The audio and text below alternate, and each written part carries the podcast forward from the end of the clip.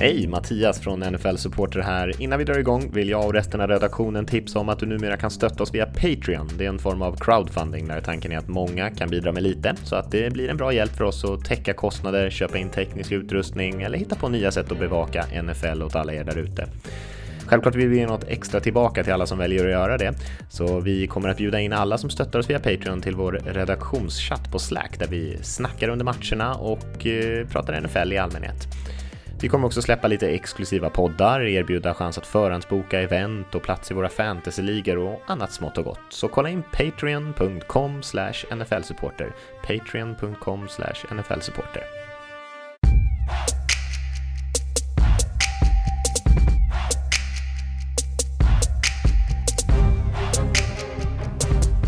Hej och välkomna till ännu ett avsnitt av veckans NFL med Mattias Olsson och idag Rickard Olsson eftersom Lasse är på resande fot. Hur är läget Rickard? Det är bra tack. Försöka eh, vara, vara Lasse idag. Dra några dåliga Göteborgsskämt och eh, prata jättelänge. Exakt. Exakt. Jag vet inte om det är stora skor att fylla men det är någon typ av skor i alla fall. ja, det är taskigt att hugga på när han inte är försvara sig. Ja, men det är ju det är bästa tillfället. Ja, kanske det. Ja, han ser ut att ha det rätt bra ändå så jag eh, tycker inte synd om honom. Vi eh, skickade ut lite filmer och sånt från, eh, från Lasses eh, upplevelse från Nashville. Han var ju på Titans Chiefs här i, i helgen och det blev ju en riktigt eh, spännande match. Så eh, han, det är inte synd om honom helt enkelt. Nej, inte det minsta. Han skrev ju det också. Jag hoppas den slutar bra och det kan man väl minst sagt säga att den gjorde. Exakt, ja, han sa ju till och med att jag tror att det kommer bli en nagelbitare. Mm. Eh, någon gång i tredje kvarten sa han det och det blev det ju verkligen, verkligen. Eh, ja. Och vi ska snacka lite om vad som hände här i veckan. Eh, men innan dess tänkte jag bara att vi skulle ta några eh, korta nyheter och, och, vi kan ju börja med att nämna att Magnus Ornhammar i redaktionen har varit och träffat John Lindgren som jag pratade om tidigare. Den enda svensken som var nere på International Combine för Eh, NFLs, vad ska man kalla det, Pathway-program. Där man eh, spelare som kommer utanför USA får en chans att få ta en plats på en NFL-roster. Eh, och eh, då få kanske en eh, liten eh, gräddfil till ligan kan man väl säga. Även fast man inte har blivit eh, draftad eller har spelat till och med har spelat collegefotboll. Nu har ju John Lindgren gjort det men jag tror inte att det är något krav. Så eh, Magnus har varit och träffat honom. Vi skickar in ut lite videos. Finns på nflsupporter.se bland annat en intervju och en film där eh, Magnus och han snackar lite om upplevelsen där nere i eh, Tyskland när han var på på Combine. Jävligt proffsigt gjort ska man lägga till också. Det märks att eh, Magnus vet vad han gör. Mm. Ja, verkligen. Verkligen. Det är lyxigt att ha en riktig journalist i ja. vår lilla Någon som verkligen vet vad han kan. Exakt. Eh, den andra stora nyheten egentligen som jag tycker att vi ska ta upp idag Rickard, det är ju att eh, Colin Kaepernick har ju varit extremt mycket snack om, väldigt lite fotbollsrelaterat prat på senaste tiden. Men nu helt plötsligt från ingenstans visar det, att, eh, visar det sig att NFL ska arrangera en provträning eller en privat träning med Colin Kaepernick redan nu på lördag. Eh, där det blir både fystester, intervjuer, eh, de kommer köra olika QB-övningar och sådana här grejer. Och alla 32 lag är inbjudna och alla 32 lag väntas också närvara. Eh, kanske inte alla med sin sportchef, men med någon typ av scout eller annan person i den delen av organisationen i alla fall. Som kom från egentligen en blixt från klar himmel och det finns ju lite att diskutera kanske kring hur hur, eh, hur det här har kommit till, hur upplägget ser ut, men eh, ändå, jag blev förvånad när jag hörde det. Ja, verkligen. Men, och jag, framförallt sitter jag och funderar på, som du säger, upplägget, bara att, att det arrangeras liksom som en egen pro day. Eh, och varför det gör det, varför NFL plötsligt är liksom involverad i att försöka få in honom i ligan. Eh, det känns, jag menar, man är så här konspirations teoretiker, lite halvgalen, så tänker man att det är någon sorts sätt för dem att rädda ansiktet. Varför han inte bara har vanliga, att han besöker lag som, som vilken free agent som helst, det kan, jag inte, det kan jag inte förstå. Men det är ju kul. Ja, ja, det tycker han är värd. Han, han tränar ju fem dagar i veckan fortfarande enligt egen mm. utsaga i alla fall. Går upp 4.30 på morgonen för att köra, börja köra sina pass och eh, tränar stenhårt. Jag har gjort det i tre, de tre åren sedan han slutade spela. Så han lär ju vara i form i alla fall om, om det nu stämmer. Ja. Eh, och, men som det har kommit ut här lite i efterhand så Eh, NFL sa ju ursprungligen att det var flera lag som har visat intresse för Kaepernick och eh, på något sätt pratat med NFL och då har de valt att det här var ett bra sätt och sen så ringde de upp Kaepernicks representanter och sa egentligen att Eh, vill ni vara med på det här eh, så kör vi det nu på lördag den här tiden. Ni har två timmar på er att säga ja eller nej. Eh, det går inte att flytta tiden, det går inte att flytta platsen och bara liksom ja, take it or leave it liksom. Det är ju det som har kommit fram här i efterhand och det känns ju extremt underligt och det är väldigt, fortfarande väldigt mycket frågetecken exakt hur, kring, eh, hur allting ska gå till. Kommer, det vara, kommer han kasta till receiver som han har tränat med tidigare? Eh, han ska tydligen ställa upp på inter, privata intervjusituationer och det hade de inte ens kollat med honom och det var väldigt mycket sådana grejer som var, lät väldigt konstigt helt enkelt. Ja, väldigt eh, luddigt. Men... Eh, Verkligen. Ja, som, tror att eh, ni bollade ju ut där på Facebook här, eller vi, ni, vi bollade ut på Facebook en fråga om vi tror att det är något lag som kommer nappa. Vad, vad är dina tankar? Svårt att säga. Det är, min spontana reaktion skulle nog vara nej. Mm. Eh, han har inte spelat på ett tag. Eh, och som sagt, det är, det är ganska mycket om och kring honom. Eh, som jag tror att påverkar lagens beslut sådär. Um, Vad är det största hindret i sånt fall av de två? Att det är liksom rubrikerna som det genererar att signa honom eller eh, kvaliteten på hans spel? Jag skulle nog säga, alltså det är svårt att sära på dem. Ja. Eh, för jag, jag, tror att eh, det positiva måste ju liksom på överväga det negativa. Och det finns ju en del risk med honom också. Man har inte spelat på tre år, han är en mm. bit över 30, kanske ur form. Hur är skaderisken? Eh, de behöver inte betala någonting för honom såklart. Så, så att, men man tar väl på sig en del i alla fall eh, andra saker runt omkring när man signar honom och sen så mm. frågan är hur, hur mycket det kan vara värt i slutändan. Vad är liksom potentiella maxvinsten? Men jag tror att just det här runt omkring är nog ett större hinder än hans eh, kapacitet. Det tror jag fortfarande. Eh, även fast det börjar kanske mer och mer skifta åt att snart är han ju helt enkelt bara han kan inte sitta och samla damm hur länge som helst. Men de första åren då var det ju kanske 90% det här runt omkring ja, tror jag. Och nu börjar kanske procenten ändras lite grann. Men jag tror fortfarande det är det som är det största hindret för honom. Ja, för det, det här som, man, som jag lite konspirationsaktigt tänker mig så känns det som att NFL kanske ser det här som ett tillfälle att så här, ja men nu, nu kan vi visa allihopa vad han går för och nu så har det gått så pass lång tid att vi tror inte att han kommer vara liksom eh, attraktiv för något lag så kommer han inte bli signad och så kommer alla de här människorna som har sagt att nej men det är bara för att han är dålig, det är ingen som bryr sig om hans protester. De kommer liksom få vatten på sin kvarn eh, och så kan NFL gå ut, eh, liksom lämna situationen och ha försökt liksom räddat ansiktet. Mm. Ja, ja verkligen. Verkligen. Ja, jag var ju lite inne på det där också om att liksom inget lag vill vara först med att ta in honom på en workout eller så. Eh, så mm. försöker man rädda lagen lite genom att göra en sån här grej. Vi ställde ut, slängde ut en sån här fråga för eh, de som stöttar oss via Patreon. Eh, och är med på vår Slack-chatt så fick de eh, väga in lite där och det var mycket olika åsikter där. Vi hade en från Max Gunnarsson som han tror ändå att det finns en god chans att eh, Kaepernick blir signad. Att det finns en plats för honom någonstans, även fast det kanske är som backup, medan kanske Fredrik Westholm, en av våra andra patrons där, som eh, han tyckte det kändes lite som ett PR-jippo och eh, även fast han eh, kanske inte tog ställning eller har någonting emot Kaepernicks eh, sak så tycker han ändå var ganska skönt att det varit fokus ganska mycket på fotbollen och lite mindre på det här, allt det här som, som kom med, att det snackade så mycket om massa andra saker än spelet på planen och det kan man ju ha viss förståelse för tycker jag också. Mm. Ehm, så många inspel där, men det, var kanske ganska mycket skepsis eh, och ganska mycket kring det här eh, som du var inne på där. Eh, är det lite för rädda ansiktet som NFL gör här? Mm. Om vi lämnar den nyheten där, vi får se det helt enkelt. Lördag kommer det vara den här provträningen och sen så får vi se om det blir något mer efter det. Det kommer vi nog ingen att missa om det är så helt enkelt, om man blir signad. Det skulle vara en gigantisk nyhet. Så vi Eh, följer det helt enkelt. Om vi ska hoppa lite till vad som hände senaste veckan. Eh, om vi kanske ska börja med att ta lite från de, breda penseldragen där. Vad var det som stod ut tycker du från, från vecka 10?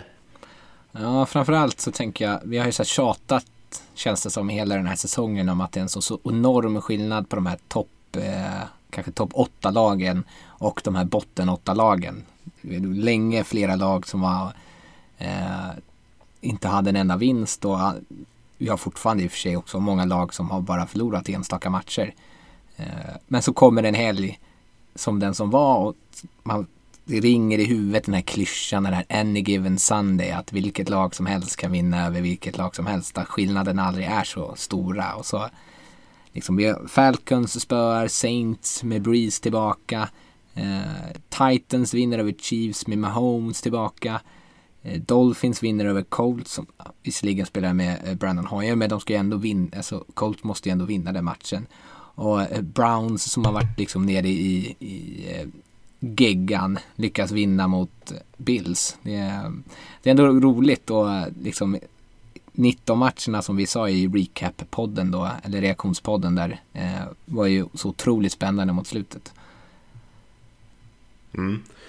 Jag skulle säga att det var en av de bästa veckorna matcher jag sett ja. eh, den här säsongen och en av de bästa på länge. Så här ska man väl se oväntade resultat, jämna matcher, eh, den typen av grejer. Kanske inte om man vill se den här eh, superkvaliteten på spelet, men, men just för spänningens skull så var det mm. verkligen, och några av du är inne på där är ju, var ju helt fullständigt oväntade. Falcons överkörning av Saints ja. egentligen var ju, alltså det ingen i världen hade eh, förutsett att det skulle hända. Eh, och det var ju några andra sådana liknande resultat, men det var ju den som verkligen stod ut där. Ja. Eh, det fanns lite andra grejer som, jag vet inte om du eh, såg den här Lamar Jackson gjorde ju ytterligare ett sådär fantastiskt oh. spel med sin 47 yards run där och, och Ravens bara öser på Lamar Jackson lika så. Jag vet inte om du såg den där interaktionen med John Harbo också på sidlinjen när de mm eh, snackade med varandra och det känns bara som att de har en sån jäkla fin relation de två och man kände verkligen att Lamar har ju höjts många gånger för vilken typ av person och ledare han är men även John Harbo tycker jag bara stiger och stiger i så här, vem skulle man helst själv vilja spela för? Ja. Ja, verkligen. Ja.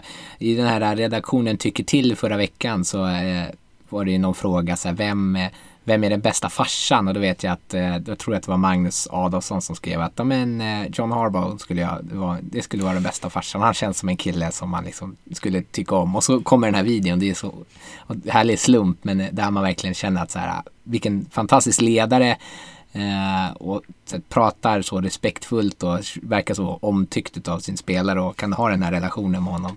Det är ja, jättefint. Ja, verkligen. För det där är ju inte så lätt liksom. Man kommer in, eh, man är någon eh, 50-årig gubbe eller hur gammal nu Harbo är liksom. Så ska han försöka ja. relatera till den här 22-åriga, eller vad exakt Jackson är, det vet jag ja. faktiskt inte. Men där omkring. Ja. Unga killen liksom, helt olika bakgrunder och allting. Mm. Och så mm. kan de ha den här fina relationen, som du säger kanske, blir lite farsa såklart, men ändå inte den här, du vet, eh, liksom osköna farsarollen utan det är ändå en väldigt respektfull relation och dialog de har mellan mm. varandra. Mm. Eh, där eh, de verkligen eh, båda uttrycker hur mycket de liksom uppskattar den andra. Eh, en, en, väldigt fin, eh, tycker jag, eh, fint klipp. Och jag twittrade ut det som också var det liksom årets ögonblick i NFL, det där eh, interaktionen som, som vi fick se där. För jag tyckte den sa väldigt mycket och säger väldigt mycket om varför de är framgångsrika också, de i mm. Ravens. De har ju tagit Lamar Jackson som är en väldigt speciell spelare. Han är extremt bra på en del, en del saker och även fast han är bättre på de sakerna som många trodde att han skulle vara dålig på så är han fortfarande har ju sina begränsningar i, i, i liksom, eh, pocketpassningsspelet, även fast han blir bättre och bättre för varje match. Men de har ju verkligen anpassat allt de har gjort kring honom, kring de andra mm. spelarna man har i truppen för att man tror på dem och bygger någonting utifrån spelarna. Och det, är ju, det låter ju så självklart, men alla lag gör verkligen inte så. Det finns ju coacher som har väldigt tydliga visioner på att så här ska det vara, så där ska det vara och du ska göra som jag säger och sådär. Eh, och, och den typen av coacher har jag extremt svårt för, för det är ju då man missförstått varför man är där överhuvudtaget. Det handlar ju om att sätta sina egna spelare i den bästa möjliga situationen, inte liksom hitta de bästa möjliga spelarna till sin situation, eller om du förstår vad jag menar. Ja, men jag, och de har ju så klivit ur, och det är väl det det handlar om, så här, våga kliva ur den här konventionella lådan av att så här borde det se ut. För ju längre ifrån man kommer från den, desto större chans är det liksom att man faller platt på ansiktet. Vi har sett Chip Kelly-experimentet liksom med, jag ska göra det hela den här college-grejen och så liksom sket det sig och så liksom skrattade alla åt honom. Och det är ju samma grej med Harbaugh här att det hade ju hade ju värst tänkbart kunnat gått åt skogen. Men det gäller ju ändå liksom på något sätt stupa med, med flaggan i topp med det man tror på och gå all in och verkligen, ja men det här ska vi göra och vi ska göra det till 100%. För gör vi det till 90% då kommer det inte funka. Utan vi gör det till 100% och så misslyckas vi, så då, fine, då gör vi det liksom. Men vi ska göra det samtidigt som vi försöker med det vi tror på. Mm. Mm. Ja. Jag har en annan funder- grej jag funderar på som är inne på lite samma spår där. Mm. Eh, och också en sak som jag höll på att twittra runt om och som vi har pratat om lite tidigare, jag och Lasse tidigare. Och det är ju problemet som cowboys har med Ezekiel Elliott. Mm. Eh, och det är ju ett lyxproblem men det är ju ändå ett problem. Vi har pratat om det tidigare, man betalar honom, Ezekiel Elliott är ju running backen i cowboys. Eh, en av ligans absolut bästa running backs utan tvekan. Eh, betalade honom jättemycket pengar, många var lite tveksamma men ändå man har förståelse för att man betalar en så bra spelare mycket pengar. Eh, Eh, men det har ju blivit någon, de har ju hamnat i någon situation där de känner att de måste använda honom väldigt mycket och det känns också som att det kanske kommer den typen av direktiv lite högre uppifrån i organisationen. Mm. Nu förlorade de med Vikings den här veckan med 28-24. Eh, om man kollar på sådana här analytics-sajter och som eh, sätter betyg på quarterbacks och passningsspel, hur effektivt det är och sådana grejer. Så har cowboys det bästa passningsspelet i NFL. Dak Prescott är på många ställen den bästa quarterbacken i NFL i år, i alla fall den mest effektiva. Spelar på en mm. jätte, jättehög nivå. Man kan diskutera om han är bäst, men han har i alla fall varit en av de absolut bästa. Man har också ett bra springspel, men man lyckas inte hitta en bra balans där. Och man springer, man blir väldigt förutsägbar, springer på första down. Eh, det har jag och Lasse pratat om tidigare. Och trots att man har ett så extremt effektivt anfall så lyckas man inte vinna de här matcherna. Och någonstans så blir det nästan så att den här running backen som är så fantastisk som man har i sitt lag blir som en fotboja för cowboys. Eh, som gör att de inte vågar kanske släppa lös Dak Prescott och passningsspelet ordentligt eh, för att vinna matcher. Ja, jag kommer ju, som Raiders-fan så är man ju van vid eh, en ägare som är inne och petar alldeles för mycket. Och det är som du säger, jag kan verkligen tänka mig att, att Jerry Jones och hela Jones-klanen sitter där och säger så här. Vi har betalat honom pengar, gör honom till matchhjälten. Det ska se bra ut. Mm. De sprang ju kan man ju säga i den här matchen mot Vikings här 20 gånger med Elliot. Eh, jag tror de sprang 15-16 gånger på första down och för, hade totalt 47 yards i springspelet. Mm. Eh, och det var inte så att det, det liksom började bra och slutade dåligt utan det var liksom ganska dåligt hela tiden och någonstans måste man ju efter 12, 13, 14 försök sådär inse att aha, det här går inte så bra och det går jättebra när vi passar bollen, sluta springbollen. Eh, och det är den mm. envisheten kanske lite grann som, som man kan vara kritisk till tycker jag. Mm. Ja, ska vi ta någon annan eh, spaning? Mm, tycker jag. Ja, eh, jag, offensiva linjer tycker jag. Nu kommer ju Lasse bli stolt nu när han inte är här och ändå jag pratar om offensiva linjer. Eh, han får väl skippa det där som jag pratar Vikten av dem är helt... Ja. vi, får ju, vi ser ju hur lag som Houston Texans och Oakland Raiders har liksom gått från att vara eh, ganska dåliga förra året till att bli liksom eh, utmana om slutspelsplatser i år bara för att de har städat upp sina eh, offensiva linjer och som spelar på en betydligt bättre nivå. Och så ser vi motsatsen hur Rams nu framförallt mot Steelers då blev helt överkörda. Det som var liksom deras sprudlande eh, anfall förra året. De sprang och passade, gjorde allt möjligt lite nästan som de ville. Det ser ju liksom ett, ett haltande skelett av sitt forna jag. Eh, när den här linjen fallerar, Goff kan inte stå där och vara lugn i fickan. Och det bara känns som att det är så tydligt hur viktigt det är eh, att man verkligen bygger sina lag kring sin offensiv, eller att man ser det som någonting man verkligen måste investera i. Och de här lagen som har valt offensiva linjespelare tidigt och högt i draften de senaste åren, det är ju de lagen som också spelar eh, på en hög nivå. Mm. Nej, jag håller helt med dig. Det, och för Rams också, det, den liksom mångsidigheten de hade i sitt anfall tidigare där den offensiva linjen köttade på i både spring och pass och sådär. Man kunde göra lite allt möjligt och Gurley funkade och springspelet funkade och sådär. Och även när Gurley inte var inne så var, sprang man bollen rätt bra med, med sina backups. Mm. nu gör man ju ingenting sådär jättebra och då blir allting kanske bara av farten lite sämre än vad det till och med är individuellt. Så springspelet blir lite sämre för att passningsspel inte funkar och passningsspelet blir lite sämre för att springspel inte funkar och så, ja, ja. Eh, och så funkar ingenting helt plötsligt. Eh, så att, ja, nej, jag håller med dig, offensiva linjen är ju extremt viktig eh, och svår att lösa också. Eh, det är många mm. lag som har kämpat med, med en dålig offensiv linje under en lång, lång period. Och så får man lite skador till och med på fel personer så, eh, så fallerar allt ändå, trots att man hade gjort så mycket rätt. Mm. Eh, jag är tillbaka på det här med play calling lite grann. Vi satt och diskuterade, det var ju kanske framförallt du och jag som satt och diskuterade lite grann på Slack mm. där med våra patrons i våran matchsnacktråd och jag bara lyfte Kitchens playing calling och, och du hakade på lite grann där och, jag försökte, och så sa jag vad var det där konstiga pitchspelet de körde nere i Redzone försökte jag hitta den? Och då bara mm. hittade jag massa pitchspel. Jag hade inte själv tänkt på, då, tänkt på det innan. Att eh, de körde tre stycken outside pitch nere i Redzone och sen så när jag tänkte på det resten av matchen så insåg jag att men, de gör ju samma sak hela tiden eh, och Freddie Kitchens har ju varit i, i, i eh, skottgluggen får man säga lite grann för att anfallet i Browns inte alls har levererat. Eh, och nu vann de ju här mot, eh, vilka var det de vann mot förresten? Nu fick jag hjärnsläpp här. Bills eh, Bills, mm. Bills vann de mot just det. I en jäkligt tight match. Men, eh, men de var ju nere i eh, nära Bills målområde många gånger och lyckades ju inte få in bollen. Och delvis var det ju för en extremt dålig kreativitet i eh, vilken typ av spel man använder där nere. Så de här outside pitch-spelen som jag nämnde till exempel, som är liksom ganska långsamma springspel där man ger försvaret lite extra tid att liksom hinna fram istället för bara liksom dunka upp den i mitten och hoppas på mm. det bästa, att man liksom snubblar in i endzone. Så kör man de här lite, kanske onödigt komplicerade och sen eh, om och om och om igen samma sak. Eh, jag har ju varit lite på Kitchens gain att jag tror inte att han kommer få stanna särskilt länge. Jag tror inte han klarar sig längre än det här året, hur det än går i resten av säsongen här. Och eh, hans väldigt underligt designade spel är ju många som har lyft att det ser liksom lite slarvigt gjort ut, ser lite oproffsigt ut och det är väldigt dålig variation.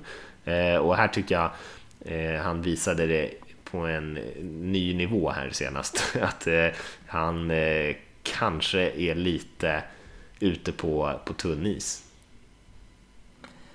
Det måste ju ändå vara årets, en av årets största besvikelser, det här stjärnladdade anfallet som inte kan göra någonting.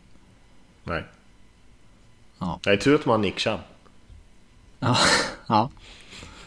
För där kan man ju prata om eh. offensiva linjen som det var så mycket frågetecken kring, mm. men de har ju inte varit så katastrofalt dåliga ärligt talat. Eh, utan Baker Mayfield har ju varit en av NFLs sämsta quarterbacks eh, när han inte har haft någon press på sig och springspel har ju funkat ganska bra. Det är ju liksom slarv som penalties och sådana här grejer och sen dålig rytm och dåliga spel och eh, alla möjliga konstiga saker som gjort att man inte har levererat. Men ju, man kan ju inte bara skylla på den offensiva linjen.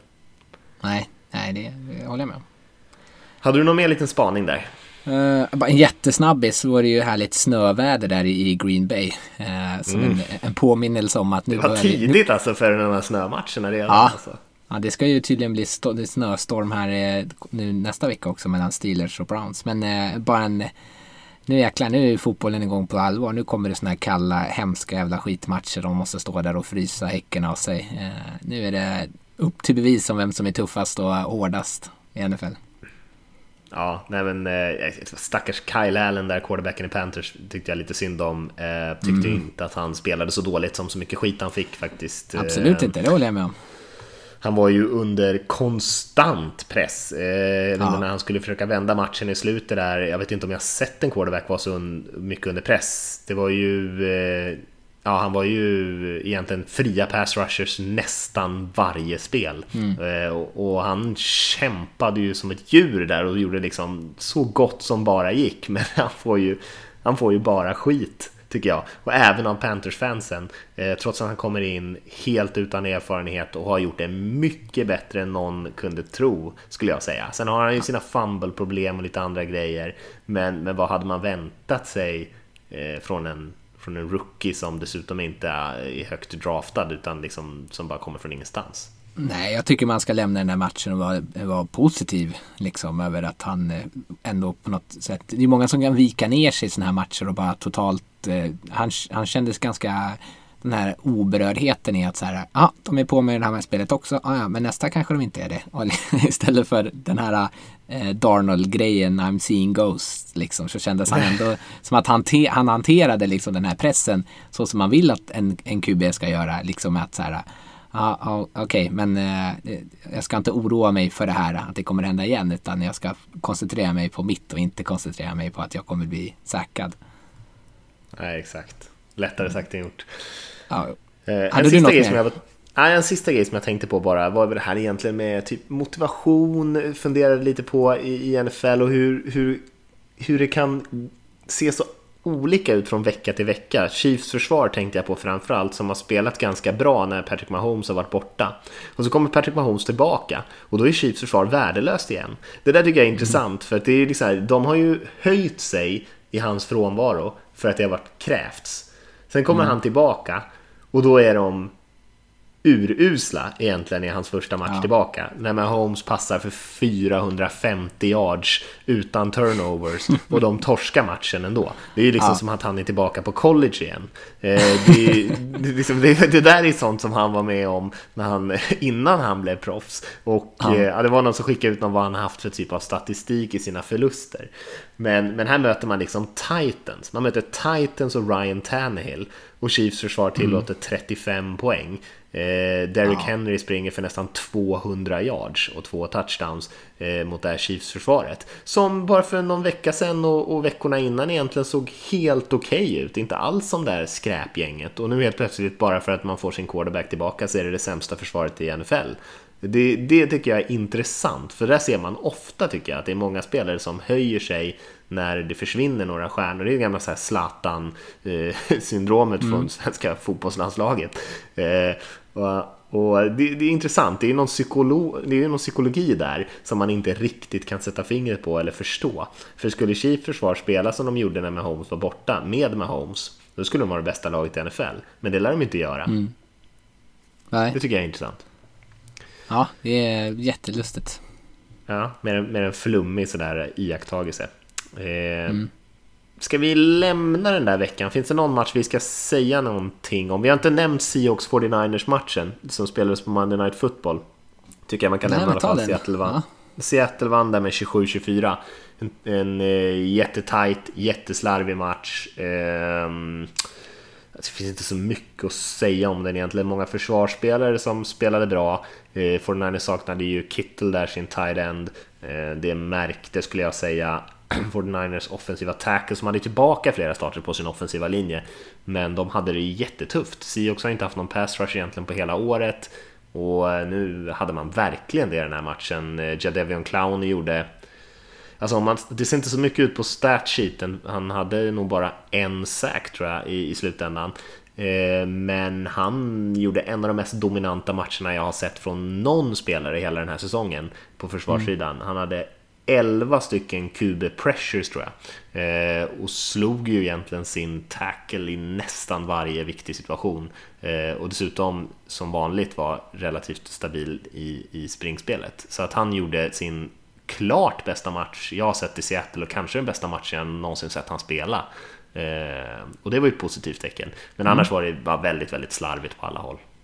Det är, det är en intressant match just på grund av resultatet. Att nu ligger både, ni, ni, ni eh, men Seahawks är 8-2, eh, 49ers är 8-1. Och nu går 49ers in på en sträcka där de möter Cardinals nästa vecka. Men sen har de Packers, de har Ravens, de har Saints kvar. Och så möter de er, eh, eller Seahawks igen sista veckan. Så det är fyra matcher som de mycket väl skulle kunna förlora. Så den här matchen är ju superviktig i liksom kan spela jättestor roll i vem som kommer sen vinna divisionen. Och nu har ju ni än så länge liksom överhanden eftersom att ni har vunnit den här tiebreakern så gäller det ju att ni vinner sista matchen också förstås. Men eh, det är inte helt omöjligt att ni faktiskt sniper åter den där divisionen. Ja, nej, så jag skulle säga att Seahawks har inte spelat så bra alltså, försvaret som man gjorde i den här matchen. Till det. alltså det ser ju bra ut. Jag skulle säga att det var en extremt viktig vinst för Seahawks. Inte mm. riktigt lika viktig. Alltså det spelar inte så stor roll för 49ers att de förlorar den här. Eh, om man kollar på de här som räknar ut slutspelsodds och så, så påverkade det knappt dem. Eh, för de har, är tillräckligt bra ändå kanske för att ta en slutspelsplats. Men det var väldigt viktigt för Seahawks. Även fast man inte vinner divisionen så ligger man ju väldigt bra till för att för att ta en wildcard-plats här. Man kanske bara behöver två vinster till här på sina sista sex matcher för att ta det. Så då ligger man ju riktigt bra till. Men divisionsvinsten tror jag kan bli ganska svettig mot 49ers där ändå. Ja, alltså jag skulle kunna tänka mig att de torskar åtminstone, att de torskar åtminstone tre av de här tuffa matcherna. Och då är, är det inte helt omöjligt att ja, ni... då ser det bättre ut såklart. Ja. Jag skulle säga Garoppolo kan man ju nämna där. Eh, jag var ju lite sådär spydig förra veckan när jag tyckte att 49ers-fansen var sådär extremt kaxiga när, när Garoppolo hade gjort en bra match. Och jag sa liksom ta det lite lugnt. Det är inte så att kritiken mot honom eh, har ju inte varit liksom baserat på ingenting. Han har ju inte spelat speciellt bra den här säsongen och så gör han en jättebra match och då är alla så här, åh han är liksom guden av alla fotbollsspelare. Eh, kolla vad charmig han är när han skojar med Aaron Andrews. Och sen så, eh, så den här veckan så är det ju tvärtom. Då är det så här, Jim Garoppolo är den sämsta spelaren som någonsin har gått på denna jord. Han ska brännas levande eh, och sådär. Han spelar inte så bra. Han spelar inte någon katastrofal match tycker jag, men han spelar definitivt inte bra och särskilt inte eh, i slutet av matchen när han kastade liksom bollar i, i Seahawks-försvararnas händer på löpande band. Sen att de inte lyckades fånga bollarna eh, är ju inte Garoppolos förtjänst. Men eh, han måste såklart lyfta sig om 49 ska kunna utmana på riktigt. Han kan inte spela på den här nivån, eller inte ens på den nivån som han har gjort i majoriteten av matcherna i år för 49ers egentligen. Eh, när man möter riktigt bra lag sen i slutspelet, för då, då kommer man inte vinna. Nej. Ska vi hoppa till eh, vecka 11? Kika lite grann på den. Mm. Eh, och vi brukar ju göra så att vi väljer ut ett par matcher som vi tycker är extra intressanta. Men jag tänkte att den här gången, Rickard, så tar vi och så kikar vi på alla matcher. Mm. Ja, och inte sådär så att vi ska hålla på i två timmar här nu. Men vi är eh, relativt snabba, tycker jag. Mm. Och sen så eh, kan vi väl tippa vem som vi tror kommer vinna matchen också Eh, när vi ändå är igång. Och vi har en torsdagsmatch, nu spelar vi in här på onsdagskvällen så att, eh, det är kanske ett par som hinner lyssna ändå i alla fall innan torsdagsmatchen kommer. Det är ju Pittsburgh Steelers som spelar i Cleveland mot eh, divisionsrivalen Browns där. Mm.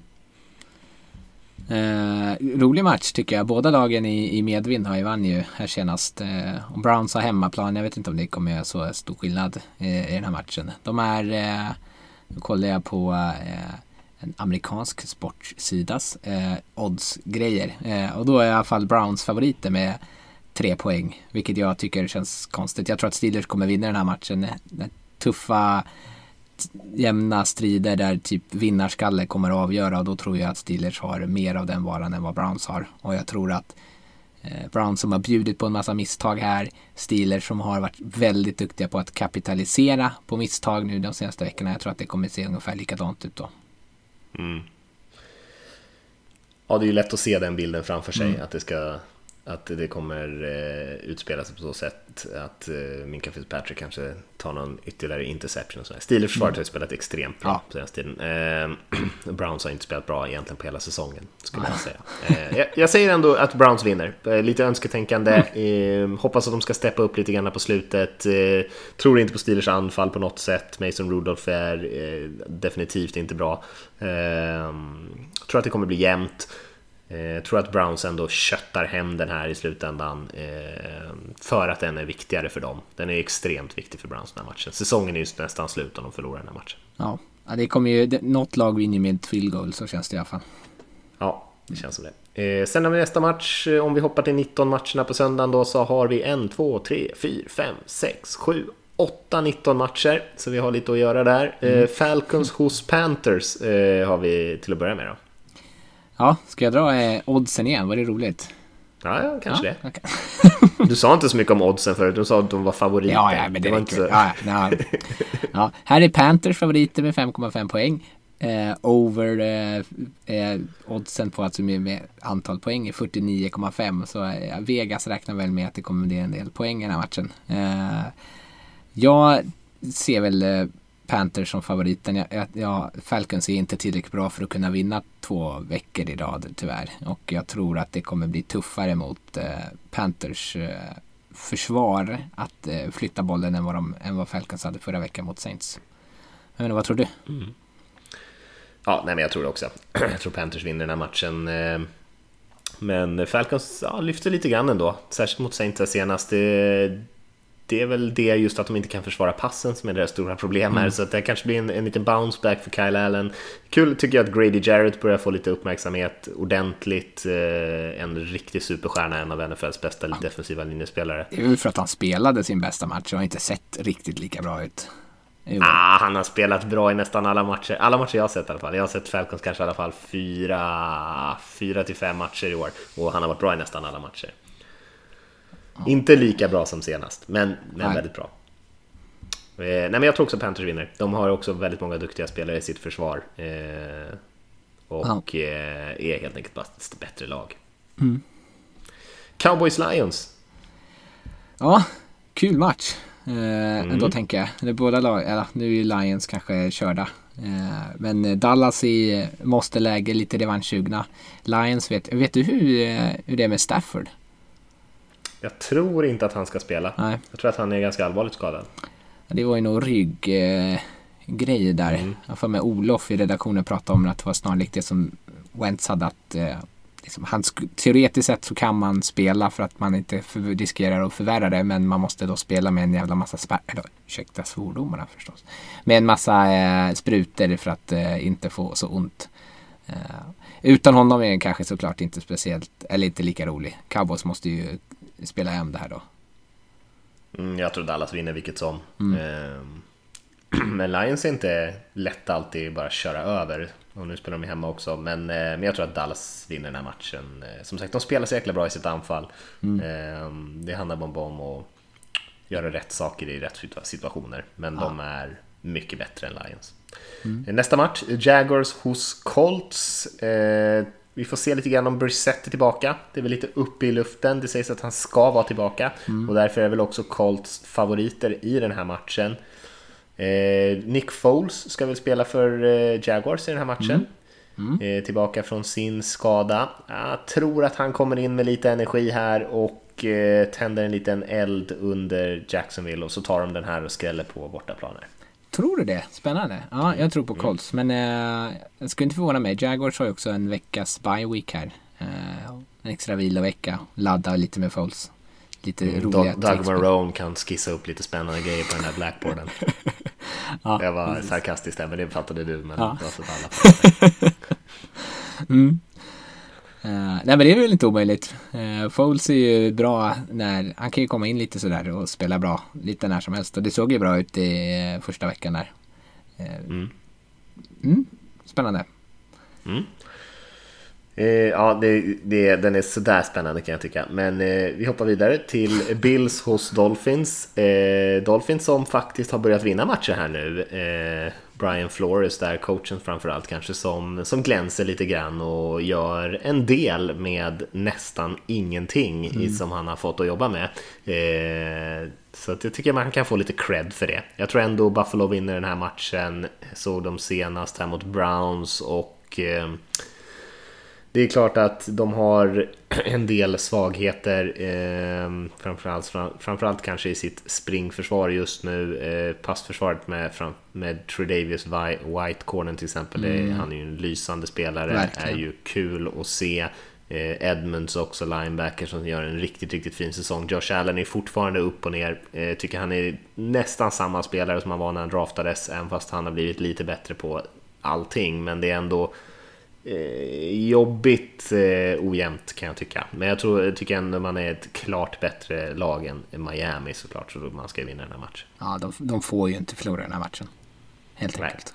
Ja. Och de kunde, borde kanske till och med ha vunnit förra veckan när det är en väldigt, väldigt tight match mot Browns där man faktiskt hade chansen att, att, vinna den matchen och då hade man ju legat riktigt bra till om man hade spöat Dolphins här. Men nu är det lite mer, lite tuffare. Ja. Texans hos Ravens. Det tycker jag är en kul match på riktigt. Mm. ja, det ju, måste ju vara eh, kanske de mest två, eh, förutom din käraste Russell Wilson, där får jag inte eh, synda här och hacka på honom. Men eh, kanske de mest eh, underhållande quarterbacksen att kolla på just nu, eh, Deshaun Watson och eh, Lamar Jackson. kommer ju vara otroligt rolig att titta på. Det känns som en match som de flesta kommer att sitta och titta på det klockan, klockan 19. säkert mycket poäng i den här skulle jag tro. Ja, har man inte några ägg i någon korg så, mm. så, så vet jag inte om man har liksom fått en smäll mot huvudet eller någonting om man tittar på någon annan match än den här matchen. Utan det, det känns ju som en överlägset mest intressant det här på 19-svepet får man ändå säga. Som du mm. säger, quarterbacksen extremt underhållande.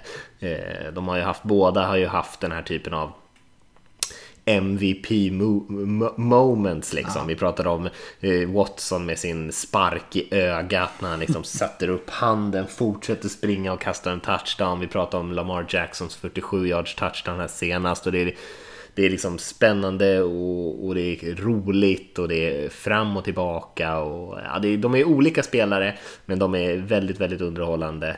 Eh, kul den här matchen alltså. Mm. mm. Ravens är så jäkla heta just nu, men samtidigt man kanske får lite för gott självförtroende att spöade på ett extremt kast Bengals förra gången, eh, eller förra veckan här. Eh, och lever kanske lite farligt om man tror att man enkelt ska vinna den här matchen eller tror att man är så pass bra.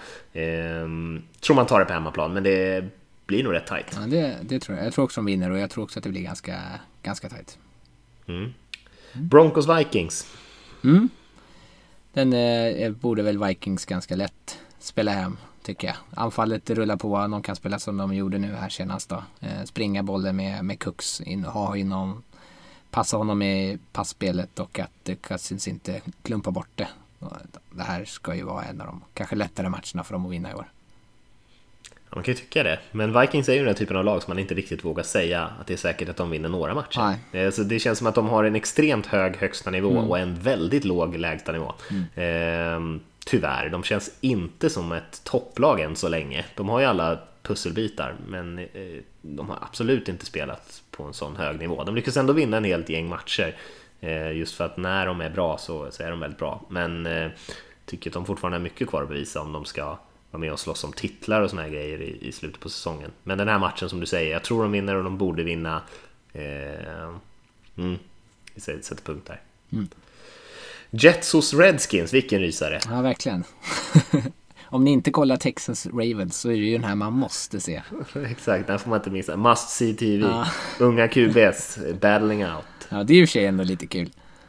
Uh, mm. Men eh, otroligt dåligt skötta lag och organisationer mot varandra. Det känns ju spännande. Eh, men eh, jag ser ändå Jets som favoriterna. De borde ha lite självförtroende sen förra veckan. Eh, det känns som att det kommer kunna finnas lite hål i det här Washington-försvaret och att Gaze hittade lite stundtals lite rytm med Darnold i snabba passningar, kvickt passningsspel, få ut bollen fort. Eh, så de borde vinna den, tycker jag. Mm.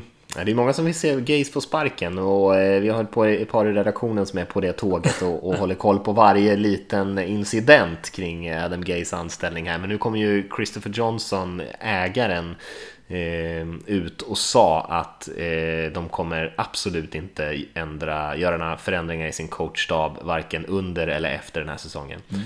Eh, och bara lämnade liksom inget tvivel där om att Adam Gay ska komma tillbaka även nästa år. Till alla Jets-fans stora glädje. Eh, nej, jag vet inte vad man ska titta på riktigt här. Eh, även spelare som Le'Veon Bell har på något sätt lyckats bli ganska tråkiga. Eh, i, i New York, tyvärr. Eh, inte sprungit med samma typ av eld i baken som han gjorde under sin Steelers tid och kanske mm. i början på säsongen här med Jets tyckte jag han ändå såg lite piggare ut. Men eh, nu är det inte sådär jättemycket att hurra över faktiskt. Nej. Eh, vi hoppar till Saints hos Buccaneers, en match som jag tror i och för sig kan bli kul. Jag sa att man skulle vara lite knäpp om man kollar på något annat än den andra matchen, men den här tror jag faktiskt skulle kunna vara ganska underhållande också. Det är ändå två lag som kan göra väldigt mycket poäng. Buccaneers mm. är ju ett extremt bra springförsvar får man ändå säga med Sue och Vida Vea där i mitten och stora kroppar, men man är ju inte ett bra passförsvar. Så att nu får ju Drew Brees chansen att komma tillbaka. Jag hörde att det till och med var några som eh, ropade efter Teddy Bridgewater här senaste matchen när Saints förlorade mot Falcons. Det tycker jag är kul. Tack för de här eh, tio åren av Hall of Fame, episk QB-nivå. En dålig match och så ska han liksom bli bänkad eh, för, för Teddy Bridgewater dessutom, som jag gillar, men som inte har eh, gjort sådär jättemycket i sin karriär. Men intressant Eh, jag tror att det kan eh, bli en bra match för Breeze här. Han kommer tillbaka lite. James Winston. Eh, känns väl som en match som skulle kunna slänga lite interceptions också, men gör han inte det så kan de ju ändå göra mycket poäng. De har ju väldigt många duktiga offensiva spelare i Buccaneers och i försvaret också egentligen. Det är ju en väldigt bra trupp. Mm. Så, och har man ju spelat väldigt många tajta matcher, så att de har ju varit roliga att titta på. Så de kanske kan göra lite spänning av det här. Jag tror Saints vinner. Jag tror att de vinner med ja, en touchdown kanske, eller till och med mer än så. Men, men jag hoppas på att det kan bli jämnt. Jag tror det borde bli mycket poäng. Mm. Ja, Winston är ju verkligen en sån där spelare som eh, bjuder på stora spel åt båda hållen. Så det, det är alltid sevärt. Generöst. Ja. eh, Cardinals hos 49ers, en eh, NFC West-duell där. Ja, rolig. Två helt olika typer av anfall som möter varandra. Det är 49ers liksom springbaserade anfallsspel eh, mot Cardinals eh, med hatar att springa anfallsspel. Eh, ganska roligt. Eh, 49ers, visst kort vecka då eftersom att de spelade nu måndagsmatchen men eh, eh, de måste väl vinna den här eller? Ja, tror de vinner den lätt. Mm. Jag tror att talangskillnaden mellan de här två lagen är eh, enorm. Eh, Arizona gör ju ett bra jobb med den Tycker jag i alla fall, med, med de spelarna som de har. Men det är ju precis som Flores där i Dolphins som kanske liksom, de gör ett ganska bra coachjobb och de maskerar det med lite smarta eh, liksom, schemes så, men det möter man ett lag som är så pass mycket bättre som 49ers, som dessutom torska senast, har lite eh, hämnd i sinnet, så tror jag att de kommer att slakta Cardinals i den här matchen om jag ska vara riktigt ärlig. Jag tror mm. att de vinner stort, stort, stort. Eh, annars blir jag förvånad. Mm. Mm. Bengals hos Raiders. Det är ah. en kul match. En, kan Bengals ta sin första vinst? 0-8 eller vad det är nu. Ja. Är det 0-9? Nej, 0-8 borde Nej. Nej, 0-9. De har inte haft 0-9 till och med hoppsan sa. Och Raiders som har spelat så bra på senaste tiden, särskilt på anfallet. Ja, eh, nej, den här ska vi ju inte kunna förlora. Men det är väl samma som du sitter och tänker att eh, Seattle inte är så bra. Så blir man lite, det är sån här typiska match som man tänker att dåliga lag som det går ganska bra för tänk, börjar bli lite kaxiga och tycker så här, ah, Bengals, fan det kommer vi ju spöa hur enkelt som helst. Eh, och så slappnar man kanske av den här motivationsgrejen. Och Raiders är inte ett tillräckligt bra lag för att kunna slappna av, för då vinner de inte. Det här är ju något som de måste vinna.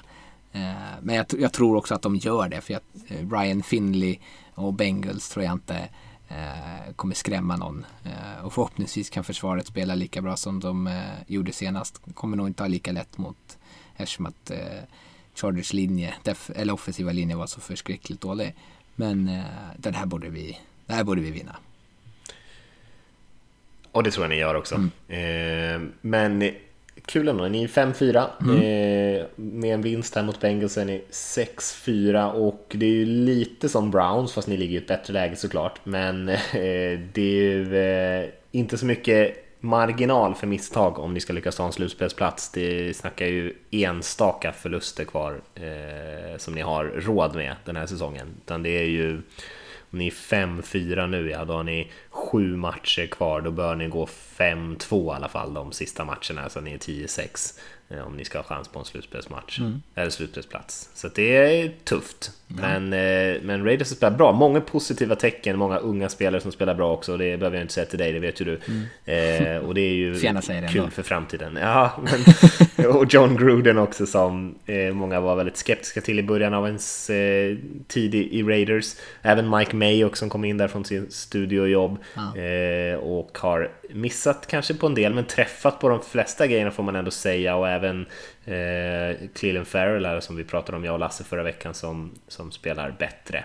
Mm. Eh, så eh, det finns mycket positivt i, i Raiders för, ja, inför flytten höll jag på att säga. Mm. Det är faktiskt snart dags. Ja. Eh, vi har en kul match tycker jag, 22-25 där, när New England Patriots ska möta Philadelphia Eagles på bortaplan och Patriots med en torsk i bagaget nu eh, ska försöka komma tillbaka på rätt sida. Ja, men eh, det här borde de ju, nu har ju de också, jag tror de har haft bye week nu också. Mm, det har de väl va? För senast matchen de spelade var förlusten mot Ravens. Ja, precis. Usch. Det känns, man vill inte möta Patriots efter en veckas vila, känner jag spontant. Nej, och Eagles som har så uppenbara svagheter ja. också. Eh, känns som att man skulle bli chockad om inte Belichick lyckas utnyttja dem. Ja. Nej, det blir, nog, det blir nog otroligt svårt för Eagles att vinna den här matchen. Precis som i, när de slog ut dem i slutspelet så tror jag i så fall att det måste hänga på att anfallet verkligen klickar eh, och gör mycket poäng. För att jag tror att Patriots kommer ju kunna göra poäng på det här Eagles-försvaret. Eh, Patriots anfall är inte sådär jätte, jättebra i år, men eh, det är effektivt och de är väl coachade. Så eh, jag, jag, blir förvånad om de har liksom under 20 pinnar i alla fall. Så då måste ju Eagles anfall också komma igång lite grann. Ja, alltså Patriots anfall är bättre än Eagles försvar och Patriots försvar är bättre än Eagles anfall. Ja, ja. Eh, ja, så kan man ju sammanfatta det. Ja. Och börjar det dåligt så är ju Eagles fans... Betyder det att Patriots vinner eller? Ja, det Special teams då? Ja, det är de. Det är väl deras, eh, det bästa de har. Aj, det är där de är bäst. Ja. Aj, ja. och Eagles-fansen är så här, börjar det gå dåligt då är de, då är de värre än att spela på bortaplan. Då står ju de och skriker och kastar snöbollar på jultomtar och så. Just det, den där gamla klippan. ja. eh, nej, men jag, jag, håller med dig, jag tror att Patriots vinner, Patriots vinner den här matchen. Eh, hoppas någonstans att Eagles ska kunna komma igång lite grann den här säsongen. Vad håller de på med? 5-4 med en alldeles för bra trupp, precis som Cowboys. Eh, ja. Spelar långt under sin kapacitet, både Eagles och Cowboys. Eh, stor besvikelse tycker jag. Eagles coachingstab har blivit ganska vida hyllad eh, och man har ju en del saker att skylla på, men det har alla lag tycker jag. Ja. Eh, man borde leverera på en mycket högre nivå eh, än vad man gör.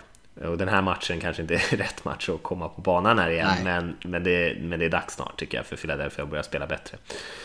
Vi har nattmatchen där, är, är ju Chicago Bears som spelar bortaplan mot Los Angeles Rams. Mm, det här känns ju också som en ganska kul match. Nu sa jag att Rams blev överkörda utav eh, Steelers pass rush här senast. Det lär, ju ha, lär se ungefär likadant ut då mot Bears som eh, kan rusha utan att behöva skicka massa blitz, eh, exotiska blitzpaket. Eh, så det kommer nog bli svårt för Rams offensiva linje att hålla sig flytande vid den här matchen. Samtidigt, Bears kommer ju inte få lika mycket gratis drives eller gratis serier som de fick här nu mot Lions. Eh, och Trubisky kommer nog se eh, ut som sitt gamla vanliga jag, tyvärr, eh, igen. Så det kan nog bli en ganska jämn match här. Jag tror inte att det blir så mycket poäng. Nej, jag håller med dig. Jag har svårt att tippa den här till och med. Mm. Alltså... ja. Jag har svårt... Vem tror du vinner? Sa du, sa du det? Jag tror att Rams vinner. Det tror Vegas mm. också. De är ja, favoriter du är med... på Vegas ja, precis. De är... Du är ju Vegas. Ja, exakt. Snart. Jag måste ju leva mitt, eh, mitt brand. Eh, men de är ju favoriter med 6,5 eh, poäng tydligen. Så, Mm. Ja. Alltså jag tror att den här ja. matchen slutar någonstans typ 13-16 eller någonting. Ja. ja, det kan man ju kanske se framför sig. Ja. Uh, ja, nej men jag håller med dig. Jag tror också att Rams vinner. Men 6,5 poäng tyckte jag lät ganska mycket. Uh, mm. Vi hoppar till Monday Night Football, tycker jag känns hyfsat intressant ändå. Två lag som ändå känner varandra ganska bra här. Kansas City Chiefs ska spela mot Los Angeles Chargers i Los Angeles. Men Nej, det vara mer Chiefs fan. I Mexiko. Oh, det är ja. här som spelas i Mexiko! Ja. Estadio Azteca. det var ju då vi fick all vår Det är där vi har vår trognaste fanbase på NFL just Supporter. det. Så Ja, det vet jag inte ens om jag berättat. Det här vet jag inte om vi har berättat i podden någon gång. Men, eh, det var jag antog att alla skulle ha reda på, ha koll på våra mexikanska eh, following. Nej, vi gjorde ett, vi gjorde ett eh, Facebook-inlägg en gång eh, som började gå viralt i Mexiko. Så helt plötsligt fick ju vi eh, tusentals och tusentals eh, likes och sådär från, från Mexiko. Så vi har ju, NFL-supporter har ju en stor följarskara i Mexiko. Så det här kan man ju säga är nästan hemmamatch för NFL-supporter-redaktionen. Ja, precis. Så då måste vi tippa rätt dessutom. Ja, vad tror du då? Jag tror att Chiefs vinner den här matchen lätt. Eh, eller lätt förresten, det tog jag i. Det tror jag inte. Jag tror att de vinner matchen. För just att man Holmes eh, kommer eh, tvinga fram den här vinsten. Men, men visst kan Philip Rivers i gänget göra lite poäng på det här Chiefs-försvaret, men jag, jag kan också se att de eh, gör fler misstag än Kansas City. Ja, det har varit bra. Det, de, det är alltid jämnt, eh, de här två lagen. Eh, Mm. var det, Chargers vann ju mot Chiefs även förra året. En poängs skillnad va? Eh, Jag tror den blev 29-28 i den matchen. ja. Mm, ja, det är möjligt. Men eh, så det blir nog Men jag jämnt. säger att jag tror det, så, så, så, så läste jag den istället Ja, mig. snyggt. Så bra minne har jag inte. Det låter ju som en expert. Ja, men jag tror det. Jag ska bara kolla upp. Ah, just det. Det var jag Jag jag tror 29, 29 28 tror jag. Jag tror den spelades 13 december. Eh, ja, men eh, det enda som jag sitter så här. Först, min första tanke var att förra året så ställdes den in eh, för att planen var alldeles för dålig. Eh, jag kan tänka mig att planen kommer vara ganska tveksam även i år. Och så rullar Mahomes in där med sitt dåliga knä. Så känns det som att man får be, nog be till gudarna att han inte ska råka eh, göra illa knät igen. Då blir det inga fler matcher i Mexiko. Nej, det lär det ju inte bli. Alla våra fans. Ja. Mm. Här får vi brand in oss någon annanstans. Mm, det är sant. Eh, men kul match. Det, eh, om det inte är för katastrof på eh, förutsättningarna så, så bör det bli poängkalas. Ja, det lär det ju bli. Gud ja. Vem håller du på som Raiders-supporter? Vill du att Chiefs drar ifrån eller vill du att Chargers tappar? Eh, jag vill hellre att Chargers vinner. Eh, jag, jag tror inte att Chargers kommer, även om de. Ja, de går är upp. 4-6 i och för sig. Jag har- tror inte att de är relevanta i att kunna vinna divisionen i alla fall. Eh, det finns ingen anledning för dem att, eh, det finns ingen anledning att de ska förlora av den anledningen. Eh, och Chiefs, fan om vi har, då är vi uppe och nosar på eh, divisionsledning. Sen tror jag kanske att Chiefs ändå vinner i slutändan. Men jag vill ju inte att de springer iväg för långt. Det är bra, jag tänker mig att det är en bra motivationsgrej att ha, liksom, känna att det är inom räckhåll. Mm. Nej, det var logik i det. Mm. Eh, det var kanske ganska självklart egentligen. Jag hade tänkt efter innan jag frågade. Eh, nej men eh, vad bra! Det, var alla matcher ju. Ja, snyggt. Vad ska du se för någonting om vi går tillbaka? Och de här 19 Schemat. matcherna. Mm, Ja. Jets, alla Redskins där va? Eh. Just det, så var det ja. ja. Nej, jag kommer nog kolla Texans-Ravens-matchen. Eh, Och den vad är, ser du vid 22 där? Är det Patriots-matchen då? Nej, Bang, Raiders spelar ju. ja, Just det. precis. Jag lär se Raiders-matchen. Mm, Tyvärr. Det. Den andra kanske är egentligen rent objektivt mer underhållande. Men eh, Mm. jag kan inte släppa. Du då? Helt objektivt, 0-9 Bengals är en riktig publikfavorit annars. Ja, nej, jag, jag ser också i bye week, så Mm. jag är ju helt fri att se vad jag vill. Det är ganska- trevliga veckor tycker jag, när det är så. Så att jag ska se nog Texans Ravens matchen och sen även eh, Patriots Eagles matchen Mm. där då. Det var ju inte så mycket att snacka om egentligen. Men eh, det ska bli kul. Känns, Mm. eh, känns som att det är två, två väldigt roliga matcher om man inte har som sagt några hästar i racet. Mm. Eh, nej men vi kanske ska säga så för den här gången då, då och Ja. runda av. Det, tack för att du var med och fyllde skorna här Rickard. Ja, tack. Eh, tack alla ni som har lyssnat. Grymt. Skicka in lite frågor om ni vill. Podcast nflsupporter.se även fast vi har varit väldigt fråga, eh, dåliga på att faktiskt ta upp frågorna. Eh, kolla in vår Patreon och kom och chatta lite grann med oss på Slack. Det brukar vara kul. Men annars säger vi så, så hörs vi om en vecka. Ha det bra. Ha det bra allihop.